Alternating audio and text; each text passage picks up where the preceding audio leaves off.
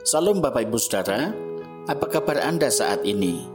Kiranya kasih Allah di dalam Kristus memenuhi kehidupan kita.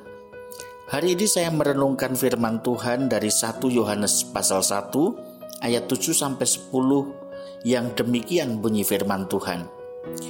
Tetapi jika kita hidup di dalam terang sama seperti Dia ada di dalam terang, maka kita beroleh persekutuan seorang dengan yang lain dan darah Yesus anaknya itu menyucikan kita daripada segala dosa.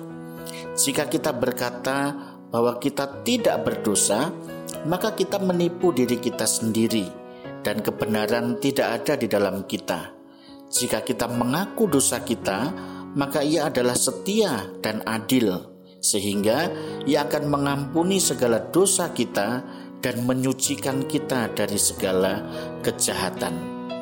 Dibebaskan dari rasa bersalah.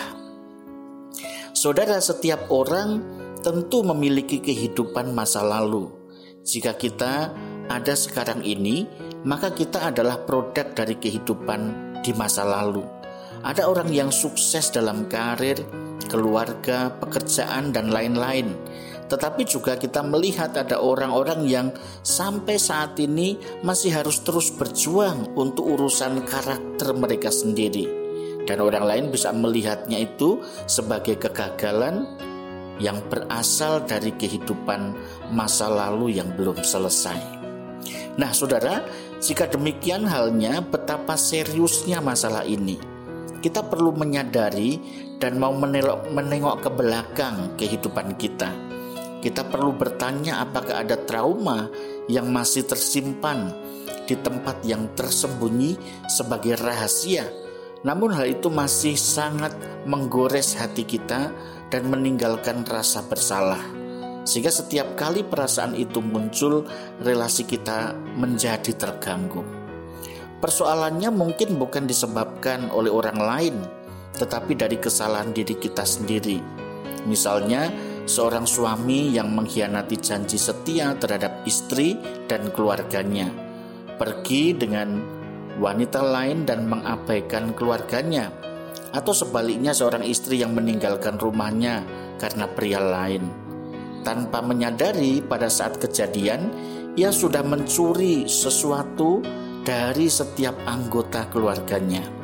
Ia sudah merampok masa depan istri atau suaminya keamanan keuangannya, dan reputasi pasangannya. Dari sudut pandang anak-anaknya, suami atau istri yang demikian ini sudah mencuri kebahagiaan mereka, tradisi ulang tahun, rasa aman keuangan dan emosional, makan malam bersama keluarga, dan seterusnya. Sekarang mereka tidak berpikir tentang apa yang sudah diambilnya Awalnya ia berpikir tentang apa yang sudah diperolehnya, tetapi ketika menyadarinya, dia sudah kehilangan orang-orang yang dikasihinya, suami, istri, dan anak-anaknya. Lalu perasaan bersalah menghantui dan menghakiminya. Besarnya perasaan itu membuat ia merasa berhutang kepada keluarganya, dan hanya dengan membayar hutang itu baru akan melepaskan hatinya dari perasaan bersalah.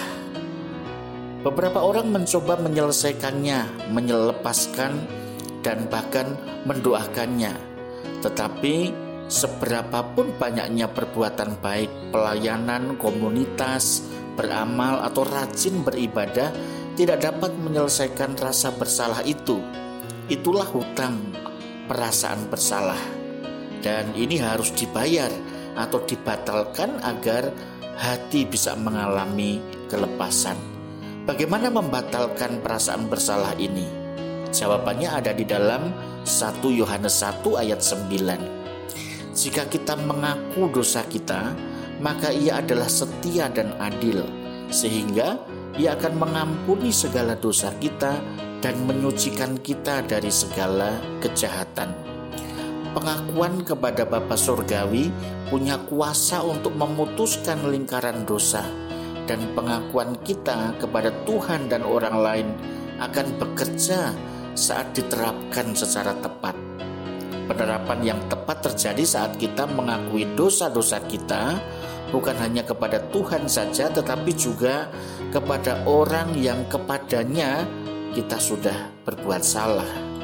Nah, saudara, rahasia apakah yang selama ini masih Anda tutupi dari Tuhan dan dari orang-orang yang Anda kasihi?